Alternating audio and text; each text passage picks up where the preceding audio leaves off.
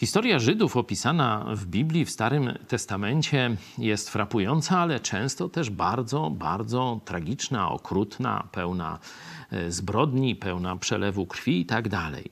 Szczególnie w tej fazie, kiedy królowie i za nimi cały naród, królowie żydowscy odeszli od tego, co Bóg im objawił w Biblii. Odeszli od słowa Boga, odeszli od Jego woli.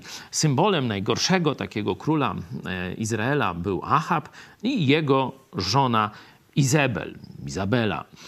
E, śmierć tych ludzi opisana jest w, ich potomków w drugiej księdze królewskiej, rozdział 9 i 10. Tam taki Żyd Jehu zostaje wyznaczony jako narzędzie Bożej sprawiedliwości, Bożej odpłaty. I choć on jest wysłany przez Boga, choć Bóg zapowiedział te różne rzeczy, to kiedy on widzi wypełnianie się tych rzeczy także jego ręką, to aż się sam dziwi. Zobaczcie werset 26. Zaiste, mówi, krew Nabota, czyli ofiary tego najgorszego króla Izraela i jego żony, i krew jego synów, którą widziałem wczoraj, mówi Pan, odpłacę ci na tym polu według słowa Pana.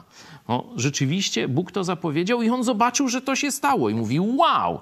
Potem umiera w taki sposób, w jaki zapowiedział Bóg, a trudno byłoby to.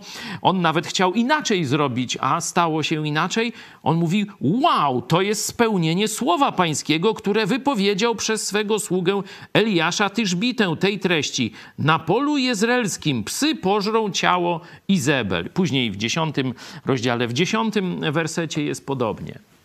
Jaka z tego nauka dla nas? Bóg powiedział i stało się.